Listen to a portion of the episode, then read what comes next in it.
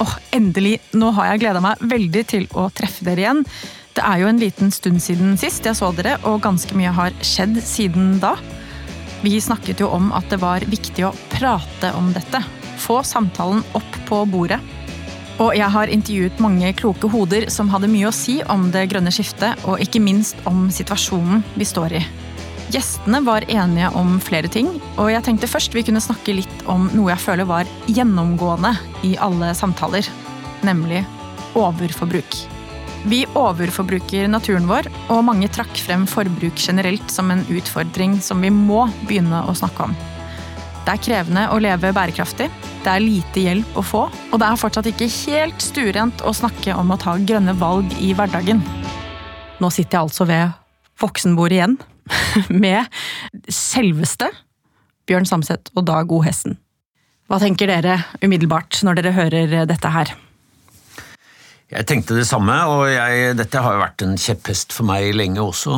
Problemet selvfølgelig med å peke på forbruk er at det fort, fort oppfattes som litt sånn eh, moralistisk og gledesdrepende. Det har i en eller annen grunn fått det stempelet. Altså, jeg tror vi må være flinkere til å få fram hva et mindre materielt liv faktisk kan være. Altså den positive siden ved det. At vi kan eh, da få mer tid til det som kanskje vi egentlig setter mest pris på. Men det er klart at forbruk, og ikke minst skjevfordeling av forbruk, er en helt avgjørende faktor. Og dette at vi fortsatt bærer med oss denne ideen om at vi skal vokse videre, selv i vår del av verden, videre materiell vekst, den er jo passé for lengst. Burde være passé. Mm.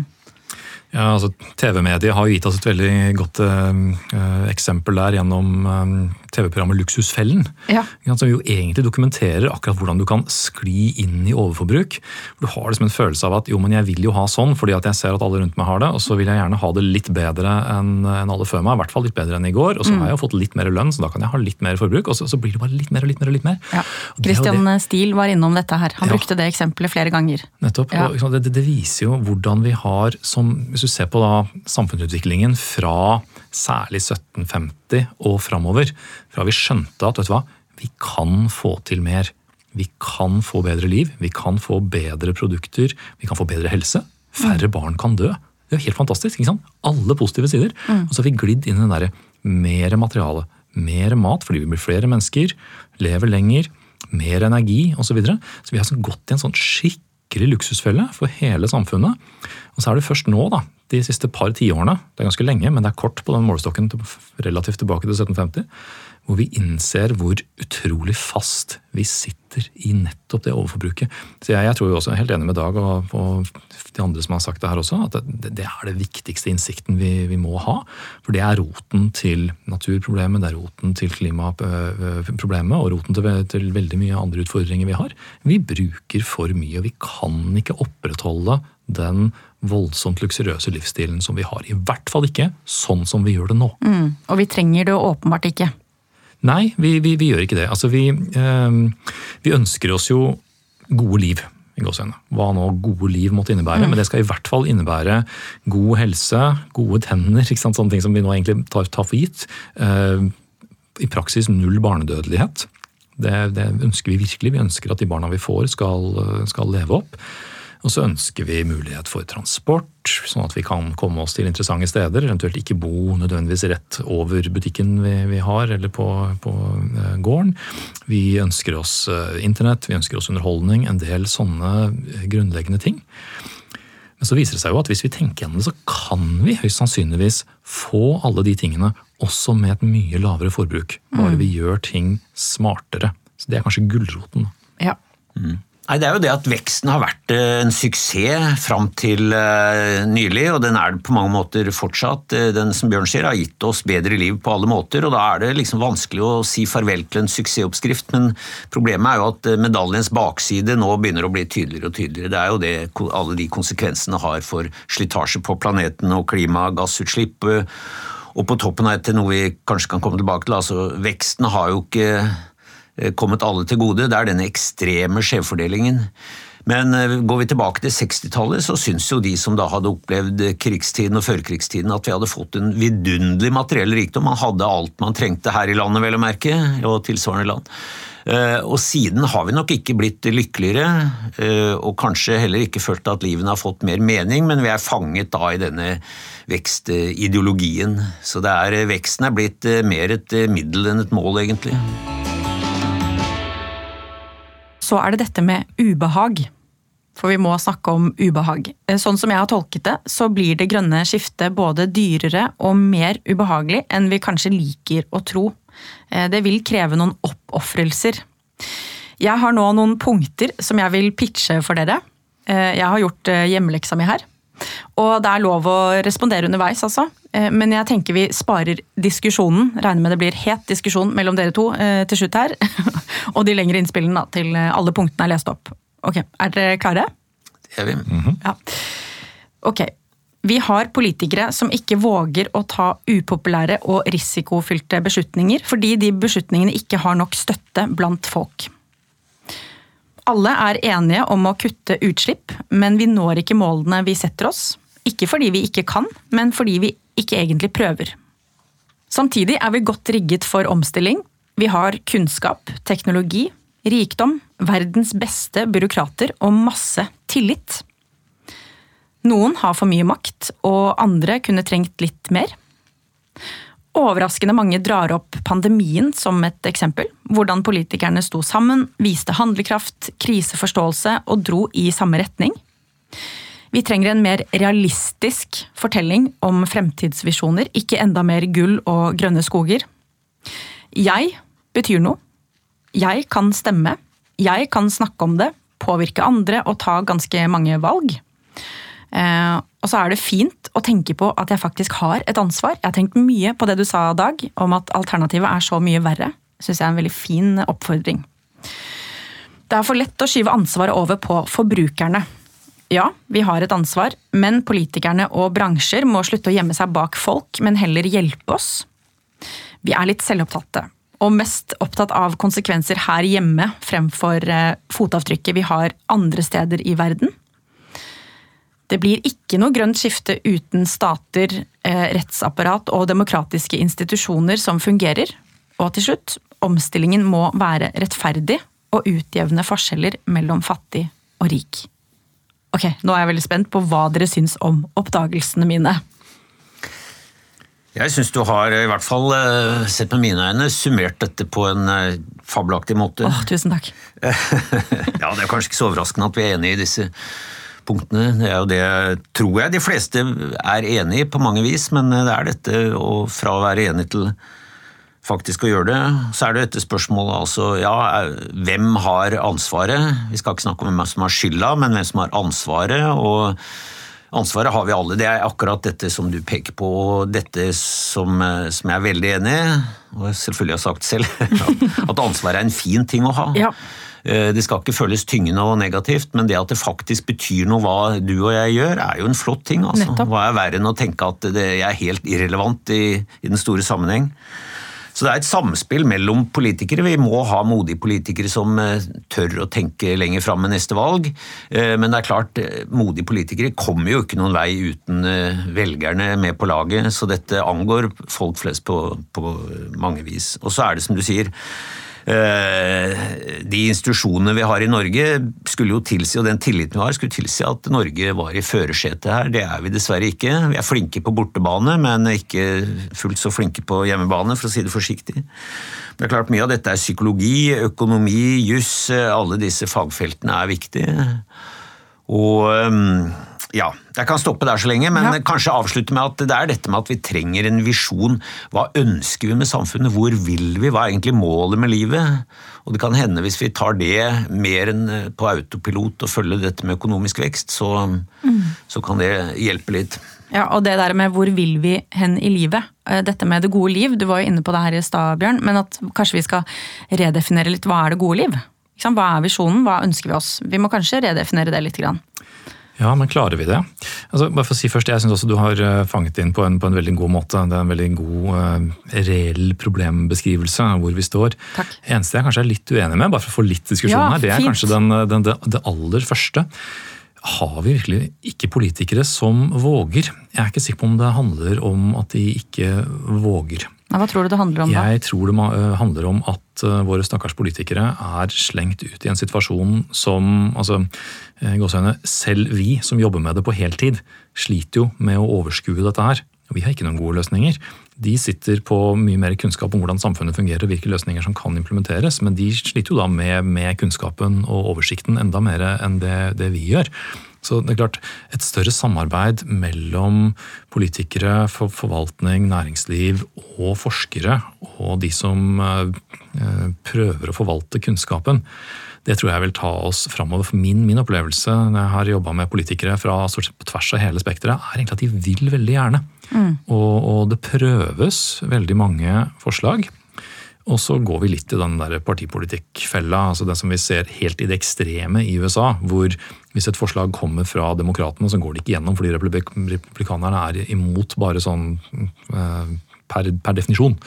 Eh, det er ikke så ille i Norge riktig enda, men det er en del sånne fastlåste situasjoner. Og dette handler jo ikke om klima eller natur eller eh, noe sånt i det hele tatt. Det handler om at man sliter med å se sammenhengen. Hvis du da flytter det fra politikere over til oss, så tror jeg du sa et veldig viktig ord der. Vi er for selvopptatte. Mm. Og det er jo vanskelig å gjøre noe med. For det er, altså som sitter jeg her som fysiker, dette burde være biologen som sier, men, men, men er, ikke det nettopp eh, biologien vår? Altså vi, vi, er jo selvopptatte av natur. Det er derfor vi har kommet oss dit vi er. Fordi vi har konkurrert oss fram til det. og Det er veldig vanskelig for oss å legge om å bli eh, altså Ja, ja vi, er, vi er flokkdyr, kanskje. Jeg tenkte på det samme, at men, vi er jo også flokkdyr. Men da er det vår flokk mot den andre. Ja. Altså en, en eneste stor global flokk hvor alle skal hjelpe hverandre. Det har vi aldri vært. Det, det, er jo det vi trenger å være nå.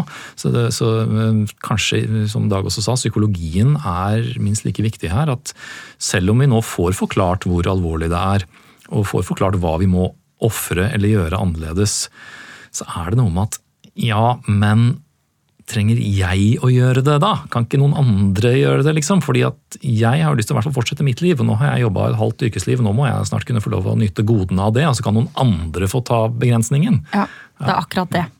Kanskje vi bare må utvide det voksenbordet, da, rett og slett. Det er jo det jeg hører at du sier, at eh, flere må til på det bordet. Og samarbeide, da. Ja, nei, altså Som vi har vært inne på mange ganger, så er jo veldig mye av dette psykologi. og Det er fornektingsmekanismer og rasjonaliseringsmekanismer. Ja, Noen andre får ta seg sammen, men akkurat jeg har mine gode grunner til å fortsette som før. og Det er jo en argumentasjon vi ser også på nasjonalt nivå. Eh, andre land får eh, gjøre det og det, men Norge har sine gode grunner til å fortsette som før. I hvert fall når det gjelder det fossile. Og psykologien koker ofte ned igjen, eller fører tilbake til det evolusjonære. Så som evolusjonsbiolog i Smeibund, så er jeg veldig ja. opptatt av dette. Og så er det et eller annet ved, ved oss som mennesker, altså det vi gjerne kaller den menneskelige natur, som danner noen hindre. Og det er det nok i noen grad. Eh, vi er flinke til å samarbeide innenfor dette definerte vi som vi snakket om, men så er det å utvide dette vi-et til de som i dag virkelig allerede kjenner klimaendringene på kroppen. Det er ekstremt mye vanskeligere, kanskje naturlig nok. Eh, og i hvert fall hvis vi skal utvide dette vi-et til de ufødte som skal komme etter oss, eh, så er det jo nesten umulig. Men det er vi nødt til å gjøre på et eller annet vis. Vi må i hvert fall føle at vi har et moralsk ansvar også for at det skal bli en levelig verden for oss og alle andre organismer som skal komme etter oss. Så jeg tenker at eh, psykologi sitter med mye, av nøkkelen her, og for så vidt også eh, økonomien som har satt veldig mye av premissene for denne vekstfilosofien. Og så trenger vi nye idealer også, eller idoler for å si det sånn. Altså det, hvis du ser på skjevfordelingen i verden, hva verdens 1% rikeste bruker og slipper ut av CO2, så er det helt absurd de står for eh, omtrent det samme eller mer enn den andre halvparten av de, de som er i den fattige enden av skalaen. Og så lenge vi har disse rike som idoler og forbilder, som vi i for stor grad har, så er det klart vi strekker oss mot det. Så ja, eh, vi trenger en slags selvransakelse som, som, omfatter det psykologiske her òg. Men her ligger det jo også en, en stor mulighet. Altså vi, vi um, har jo en klar idé om hvordan samfunnet er og skal være ut fra hvordan det er skrudd sammen i dag. Altså vi, vi bor i et sosialdemokratisk eh, land. Eh, utopi, ifølge, ifølge, den forrige amerikanske eh, presidenten. Hvis bare drar et litt annet sted i verden, så har de en veldig annerledes idé om hvordan verden skal være, fordi man er vant til noe annet. Så jeg skal ikke gå ned den, Men vi har en, en mulighet også i, i Norge. Se på regjeringen og regjeringsapparatet, hvordan det er, er satt sammen. Du har et um, olje- og energidepartement. Du har et finansdepartement som skal styre alle pengene. Så har du et klima- og miljødepartement som sitter borti et hjørne et eller annet sted og prøver så, så godt de kan, men de må jo slåss med, med alle de andre. Du har ikke det um, forfatteren Kim Stanley Robinson uh, nylig omtalte som fremtidsministeriet. Eller mm. Eh, Fremtidsdepartementet.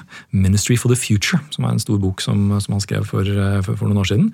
Som, der er det på, på FN-plan. Han tenker at det skulle komme et FN-organ som er frem, Fremtidsdepartementet, som skal se alle disse tingene under ett. Og Det er det jo ingen som gjør. Eh, for noen regjeringer siden så var det noen som prøvde seg med en, en planleggingsminister. mener jeg husker. Så folk lurte litt på da hva i alle dager skulle dette være for noe. Eh, det var vel Jagland som, som gjorde det først.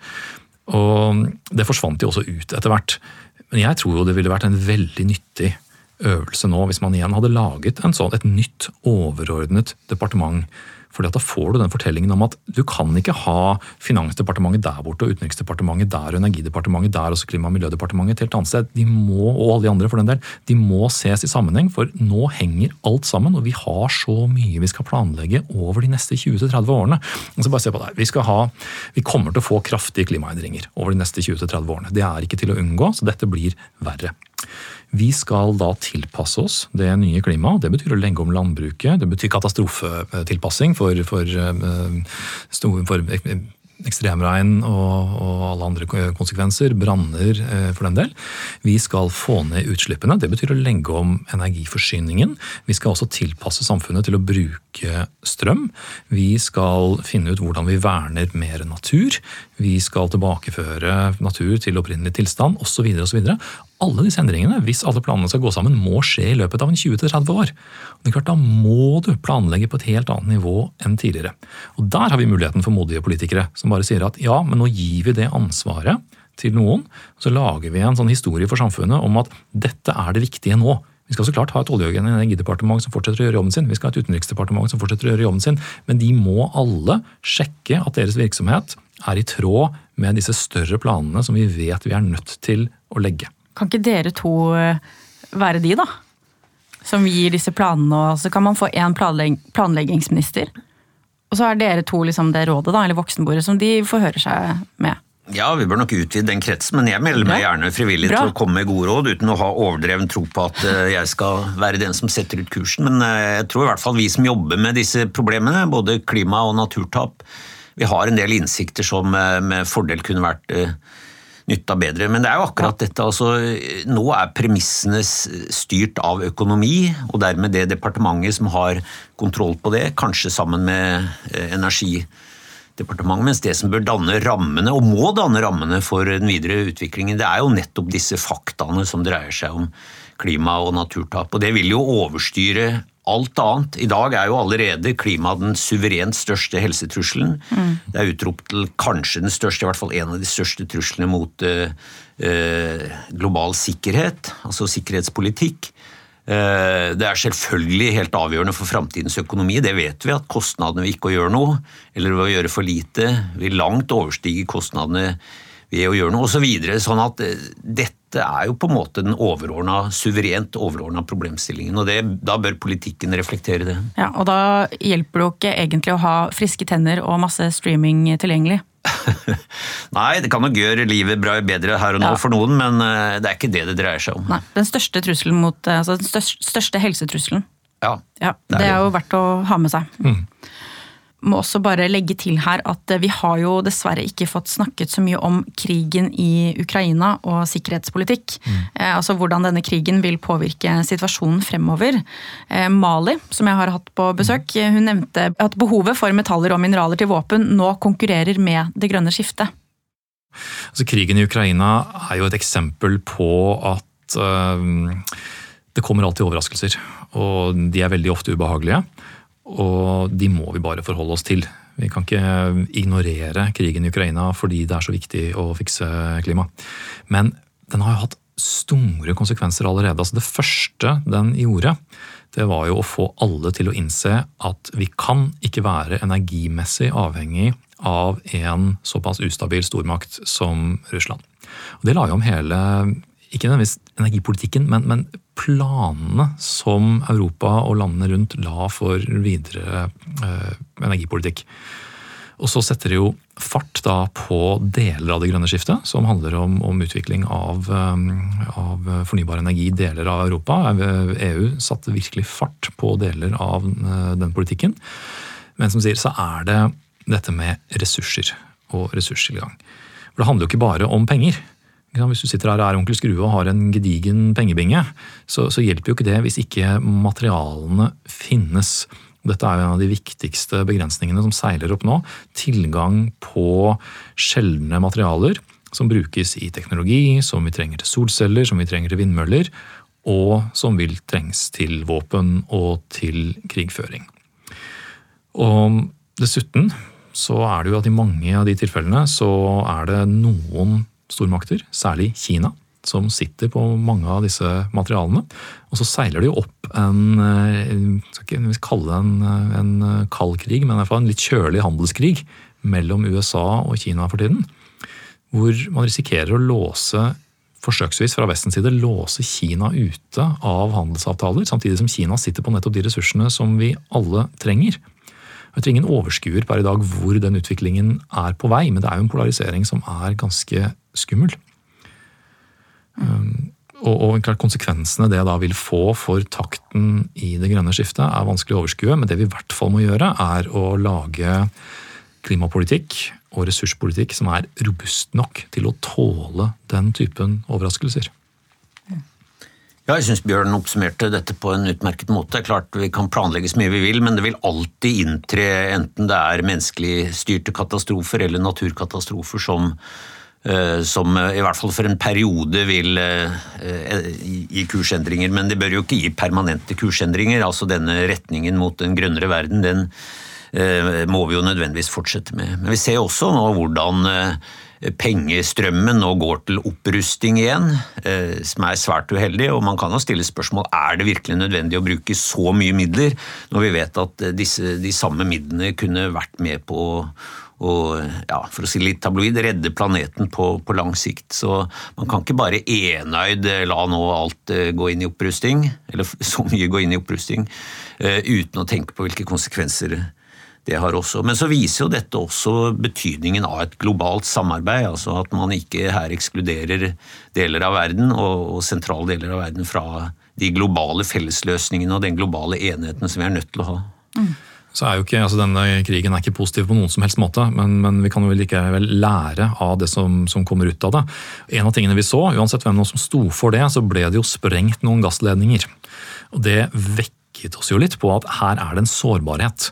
Det er lite overvåkning nødvendigvis på bunnen av havet. Nå planlegger vi jo uh, offshore vind som vil også føre til eh, at man må legge ned kabler, legge ned et nettverk av eh, strømtransportmuligheter. eller annet sånt. Det er også en type installasjon som vi da kommer til å være sårbare for angrep mot i fremtiden. Så Vi ønsker å bygge et energisystem som er mer stabilt, mindre sårbart enn i dag. Og Da må vi også tenke på muligheten for den typen angrep, som kanskje ikke var helt eh, fremst i hodene til folk før noen sprengte Nord Stream-rørledningen. Da jeg startet, så kjente jeg på frykt og bekymring for at ting går så sakte. Ja, jeg hadde mista både piffen og troa egentlig på at vi faktisk vil endre oss. Og dere etterlyser begge en positiv visjon for omstillingen for å få folk med. Men når klimamålene virker som en fjern fantasi, syns jeg ærlig talt det har vært krevende å være veldig positiv.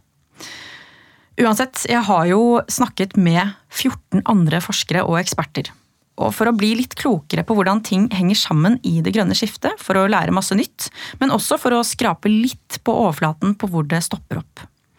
Dere etterlyste sist vi møttes en positiv fremtidsfortelling. Akkurat nå ser det ut til at vi sliter litt med den her i Norge, i hvert fall politikerne våre. Eller de stakkars politikerne våre, som du kalte det, Bjørn.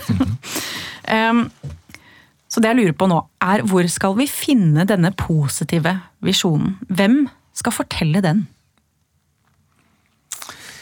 Ja, eh, for jeg kan også si at jeg hører med til de som ikke har politikerforakt. Jeg er enig, de, de gjør stort sett da, så godt de kan, men det er klart de er fanget av selve systemet. Og forventninger. Pluss altså Vi ser jo i Norge at det, det er ikke alle som er villige til å ofre veldig mye for, for framtiden. Det, det, må vi nok innse. Ja, Det er det derre ulne systemet. Det er ja, det er dette systemet som vi på en måte låser oss fast til stø kurs. Og det er ikke så lett å, å få gjort noe med, fordi vi har ikke noe fiks ferdig annet system eh, vi kan bytte ut med, men det er her denne nye visjonen kommer inn. Og det er viktig at det er en positiv og lystbetont eh, visjon, og vi må spørre oss eh, Eh, hva er det som egentlig betyr noe i livene våre? Hva er det som gjør livet godt å, å, leve? Hva er det som i siste instans kanskje til og med gir mening? Og vi har jo noen svar på det. Dette vet vi, og det er stort sett ikke ikke det å, å, gå på shopping eller ta en flytur, det kan være kortsiktige gleder, men eh, det er ikke det som gir livet verdi. Og Så er spørsmålet hvem skal fortelle dette? Mm. og, og, vi vet jo om det, eh, men jeg tror eh, altså Noe av det vi forsker på i min gruppe, er jo dette med risikoen for vippepunkter i klimasystemene. At ting plutselig når en ny tilstand og plutselig blir verre. Eh, så det vi må få til, og dette er ikke jeg den første som sier, men det er disse positive vippepunktene i eh, nye normer, nye mål, nye retninger, nye erkjennelser, for i og for seg også ny teknologi i samfunnet. Altså endringer som kan motvirke da disse skumle endringene. Eh, og Det dreier seg om at mange nok er med på disse tankene. og Det er mange eksempler på det i samfunnet, at ting som ble ansett for å være helt umulig altså Det litt forslitte eksempelet er røykeloven, men vi kan bruke den siden alle kjenner den. Ting som ble sett på som helt umulig, og restaurantnæringen ville ligge med brukken rygg ikke sant, hvis man gjorde dette. Og så gjør man det, og så ser alle at ah, dette er bra. Uh, og ja, for eksempel, Nå er ikke jeg vegetarianer, men jeg prøver å spise Jeg nesten slutta med rødt kjøtt. Men det er et annet eksempel. altså Går vi noen år tilbake, så ble vegetarianere sett på som en litt sånn sær sekt, litt sånn New Age-aktige mennesker. Som måtte forsvare sine sære valg når det gjaldt kosthold. Mens nå har vi i hvert fall i en del miljøer kommet litt over på dette at det er biff- og burgerspiserne som må rettferdiggjøre uh, seg, og det er ikke like kult lenger å sende selfier fra ovale vikener rundt om i, i verden. Så det er altså den type endringer Eh, kan skape normendringer når mange nok er med på det, og du får denne snøballeffekten. Det er akkurat det å sette i gang disse snøballene og få de til å bli store nok til at de ruller av seg selv og gir disse endringene som skal til, eh, inkludert da, eller med, med ny visjon, kanskje som det viktigste målet. Eh, altså, kunne vi fått influenserne til å gå inn for dette istedenfor Gucci-vesker og lip fillers, så, så hadde det vært en start, i hvert fall. Enig. Så vi trenger influensere på alle nivå, ikke bare de profesjonelle, men vi må alle være det. Vi må alle være influensere, egentlig. Ja. Vi kan alle påvirke de rundt oss. Ja, jeg mener det. Ja, ja. Vi kan alle påvirke, men så er det jo ofte noen som er litt trendsettende i å fortelle de virkelig store historiene. For det er jo dette, dette, det dette handler om. Altså, det har vokst fram en hel rekke sånne store historier om klimaendringene i det siste, eller klima- og naturkrisen og alle de problemene vi, vi, vi står i. Og en av dem er jo veldig dyster. Den kommer mye fra de litt yngre aktivistene som ser alle utfordringene og ser at det skjer ingenting år etter år etter år. Og der kommer jo gjerne historien om at dette går fullstendig på dunken. altså Alle piler peker i feil retning. Vi bruker mer og mer, det blir varmere og varmere, større og større utslipp osv. osv.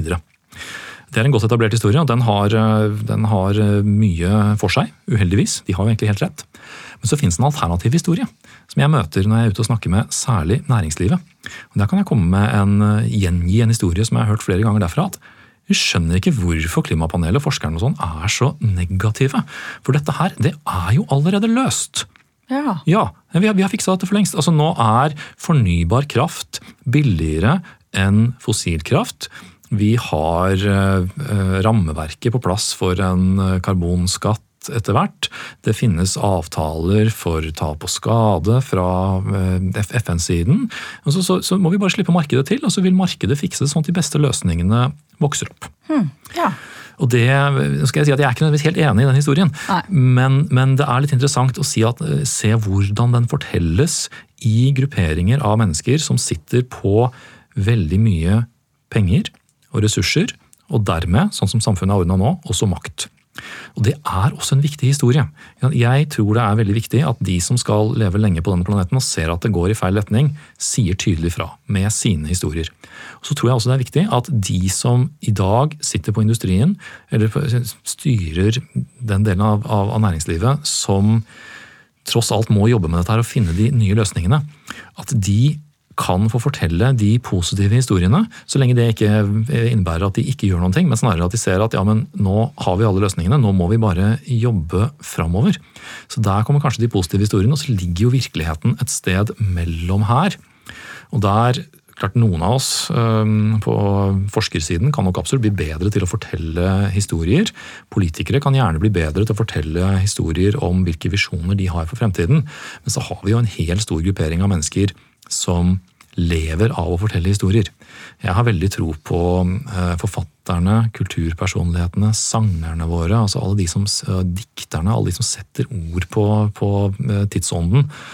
Jeg tror vi kan få noen gode historier derfra, og vi får allerede gode historier derfra. Det er mange gode klima-, og naturressursbøker der ute. Ehm, så vi trenger kanskje at det dukker opp da vår tids definerende historie, som blir vår variant av eh, Silent Spring av Rachel Carson fra for en del år tilbake. Yes. Det er en oppfordring til alle sangere som hører på. Lag låter om det grønne skiftet. Ja, og forfattere og filmmakere, og veldig ja. mange vil jo dette. Det er utrolig hvor mange kunstnere som er opptatt av dette og ønsker å finne uttrykksmåter. Og vi mennesker er jo visuelle dyr, så eh, både uh, film og kunst, tror jeg, i tillegg til bøker. ikke sant? Bare ta Majas, Maja Lundes bøker, som mm. virkelig fikk opp uh, øynene hos utrolig mange. Mm. Ikke bare i Norge, men, uh, men globalt, for risiko med biedød osv. Mm. Men hvor ligger, eller hvor er balansen mellom en positiv og realistisk fremtidsvisjon? Hvordan treffer dette aktivistenes budskap? Ja, eh, det er vel dette spørsmålet vi som prøver å formidle dette også stiller oss. Eh, hvordan skal vi formidle det? Og det er ikke så lett, bortsett fra at vi selvfølgelig eh, må ta utgangspunkt i fakta så langt vi kjenner det. Og forskningen, det må jo være vårt utgangspunkt. Men så kan det sies med ulikt alvor og med ulik betoning av de forskjellige elementene. Og jeg er enig i at det er viktig å trekke fram suksesshistorier. ikke sant? Vi mennesker liker jo det positive rimeligvis. Liker eh, gulrot bedre enn pisk. Eh, og det finnes jo noen suksesshistorier også for store miljøproblemer vi har løst. Altså Forsuringsproblemet var jo et kjempemessig problem, eh, ikke bare i Norge, men i store deler av Skandinavia og andre områder som vi faktisk har løst. Svovelnedfallet er nå ned på det det var i førindustriell tid. Ozonhullet, som var en kjempetrussel, mm. er i ferd med å tettes fordi vi har skjønte årsakssammenhengene og, og gjorde ting. Nå er nok ikke de altså Dette kunne vi rense oss bort fra. Det, ganske enkelt, det kan vi ikke gjøre med, med klima- og naturtap, for det er som sagt knytta mer til systemet. Men det er viktig å ha med disse positive fortellingene også. Men eh, jeg trodde både Bjørn og jeg har vel ikke tall på mange ganger vi får til slutt dette spørsmålet ja, men er du optimist eller er du pessimist? Og det er klart det finnes ikke noe enkelt svar på det. Som jeg stadig sier, og det mener jeg virkelig, jeg er optimist i den forstand at verden vil ikke gå under, og menneskeheten vil ikke dø ut. Eh, men det er jo et, eh, vi må ha større ambisjoner enn at vi bare skal overleve. Ja. Så, men det er en form for optimisme da, som er, eh, er, viktig å ha med seg. Men vi, i motsetning til politikerne da, så bør vi ikke alltid vi avslutte sånn krampakoptimistisk. Jeg tror det er viktig at altså en for stor grad av optimisme kan fjerne brodden i det budskapet mm. man prøver å formidle. Ja, det kan bli til naivisme. Ja, det kan det. Ja. Nettopp, og det er akkurat det vi må unngå. Altså, um, dette er et så stort og så vanskelig spørsmål at vi må også tørre å stille hverandre litt til ansvar når vi debatterer. Det er lov å være optimist. Det er lov å være pessimist. Det ligger i menneskets natur.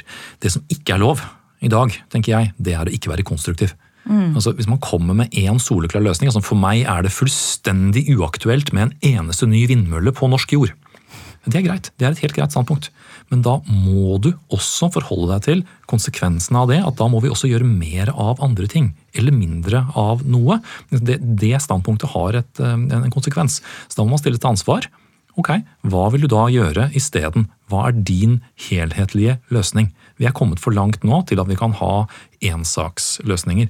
Og vi har vel en tendens, eh, vi mennesker, til å være veldig for eller veldig imot noe.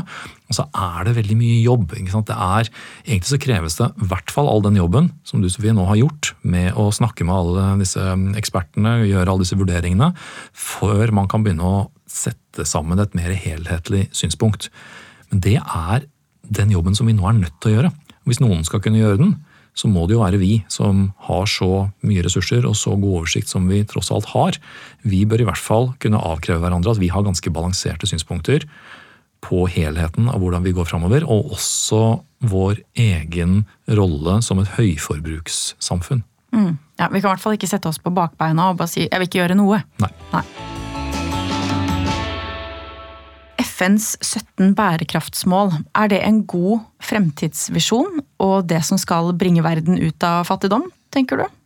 Jeg tenker i hvert fall at bærekraftsmålene de samler sammen veldig viktige veier mot målet. Altså der, der, de er jo en oppsummering av hvordan ønsker vi at verden skal være. Vi ønsker at alle skal ha mat, vi ønsker at alle skal ha rent vann, vi ønsker at alle skal ha god helse, alle skal ha tilgang på, på jobb, vi skal ha likhet og frihet og alle de, de tingene der. Eh, og får vi til det, så er ikke verden nødvendigvis bærekraftig selv da, mm. men de er i hvert fall steg framover. Så de som satte sammen bærekraftsmålene, gjorde en veldig god jobb. Det er klart De er inkluderende, for det er jo enorme mengder med underpunkter utover de bærekraftsmålene også, så det sammenfatter jo egentlig alt. Jeg tenker at de er fortsatt en veldig god ramme. Utfordringen med dem er at de, de er litt for store, og en del av dem står også i mots, uh, motstrid med hverandre. Ja, Som for eksempel? Det er jo en del uh, industriutvikling som du trenger for å oppnå en del av det, som uh, krever store mengder vann f.eks.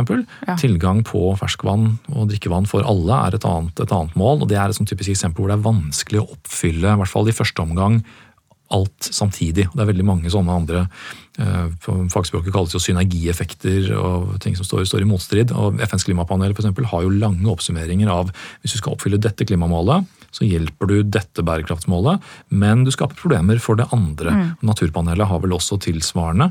Det er nok en sånn type kunnskap som vi må bruke mye mer i dag, og se hvilke hvis du skal oppfylle alle bærekraftsmålene på en gang, hvilke reelle begrensninger er det da du har fra alle sammen?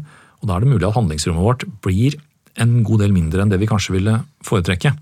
Men det er nå likevel sånn, sånn verden er, så jeg tror de er veldig nyttige også for å fortelle oss hva vi ikke kan gjøre. Hvordan vil krig og konflikt merkes på det grønne skiftet fremover? Eh, snakker vi også ressurskrig? Eh, matvarekriser i årene som kommer?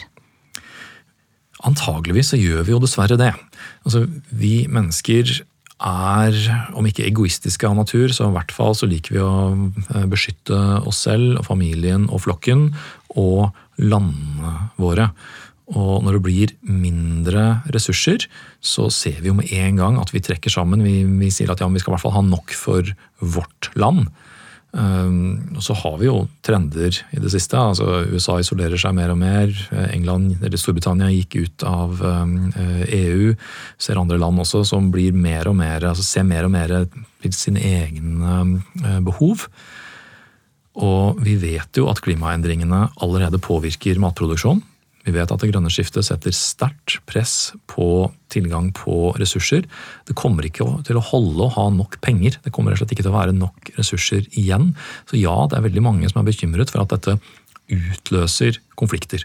Man kan jo si at uh, energi og energipolitikk var en av de utløsende faktorene for Ukraina-krigen også. Uh, litt diskusjon rundt, rundt, akkurat det, men det er mange som har, som har hevdet det.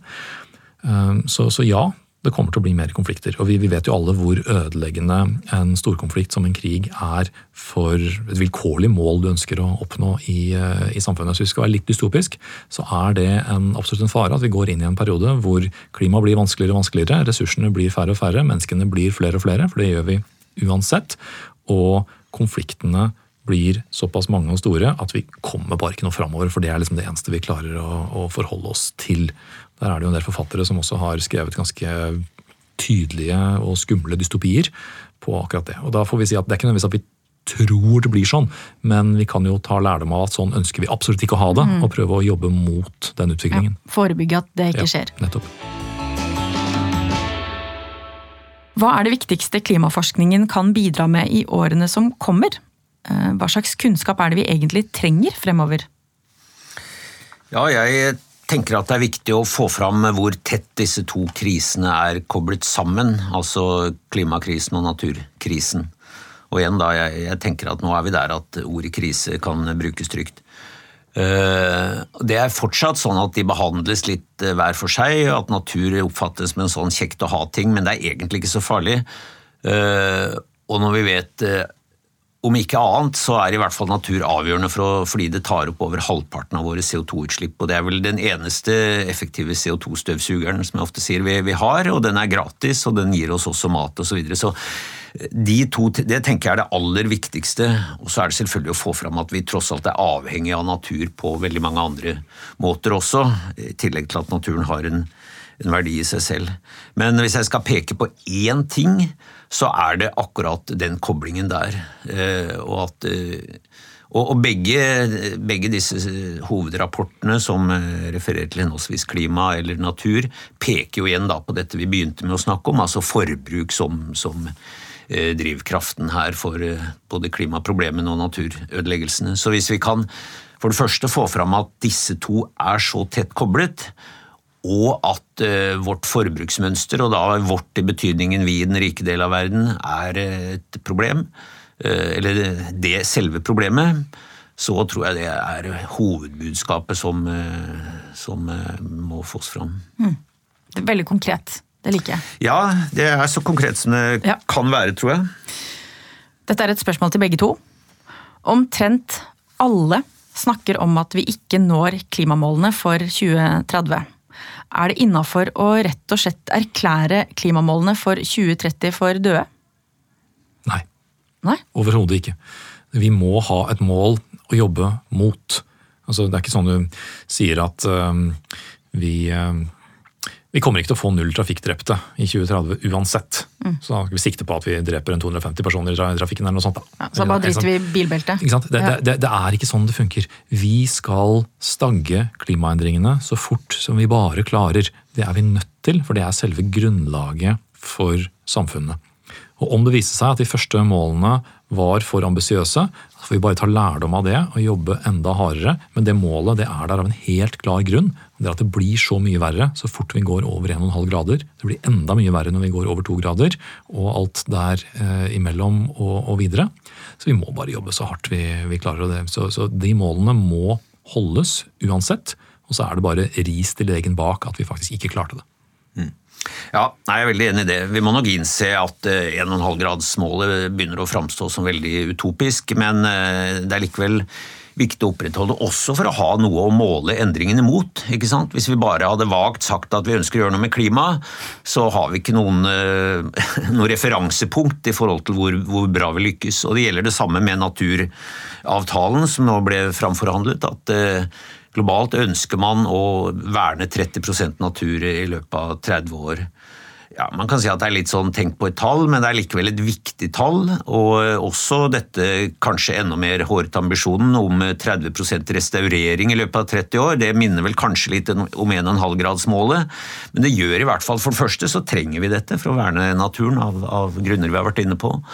Og For det andre så eh, gjør det da også enkeltnasjoner og globalt sett mulig å se hvor ligger vi an i forhold til disse målene, istedenfor bare et vagt og fromt ønske at vi ønsker å ta vare på mer natur. Punktum. Mm.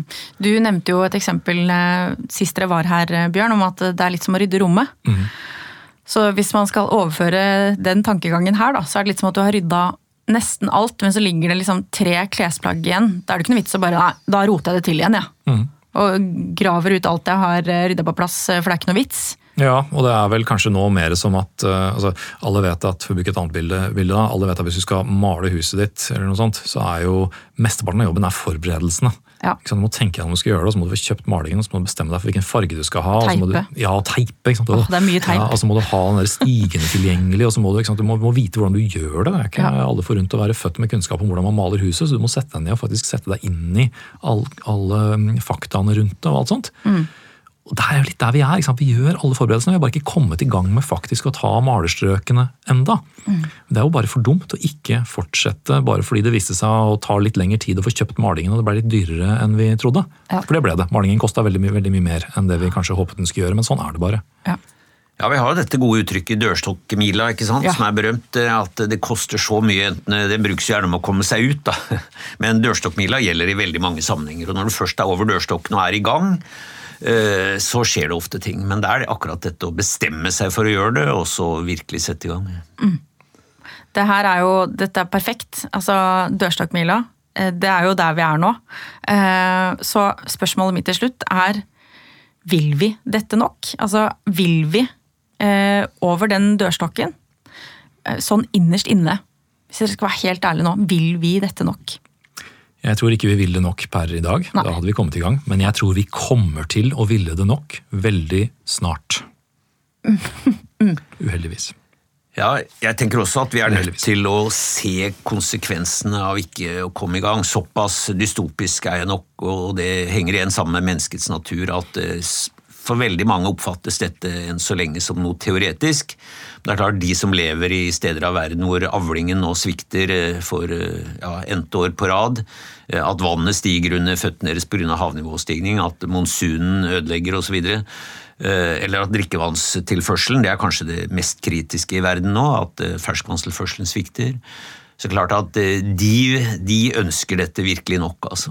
Men eh, det er, det, det er, jo så urettferdig at vi som har forårsaka det meste av problemene, er de som foreløpig merker minst til det. Men når vi også merker at det svir, da tror jeg også vi vil nok. Men eh, det er mulig vi ikke er riktig der ennå. Ja, Du sier jo uheldigvis, Bjørn, for det er jo litt sånn, da kommer jo naturen og ja, det er det jeg mener. at det, det, er uheldigvis fordi at uh, vi blir tvunget til å ville det. Ja. Jeg skulle jo ønske vi hadde villet det helt av oss selv, fordi vi ser at det er nødvendig. Det er der jeg kanskje tror psykologien og menneskenaturen jobber litt mot oss.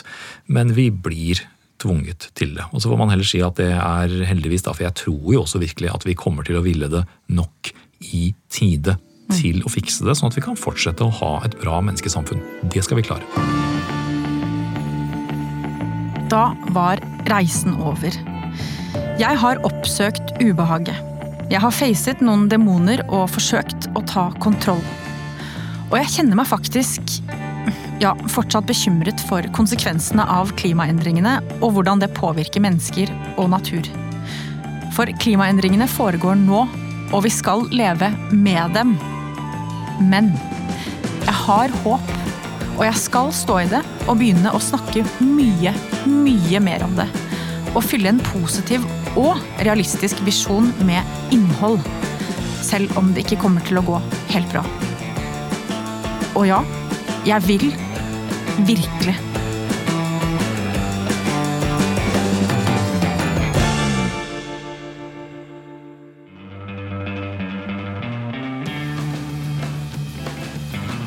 Denne podkasten er fra Universitetet i Oslo ved ansvarlig produsent Arild Blomkvist.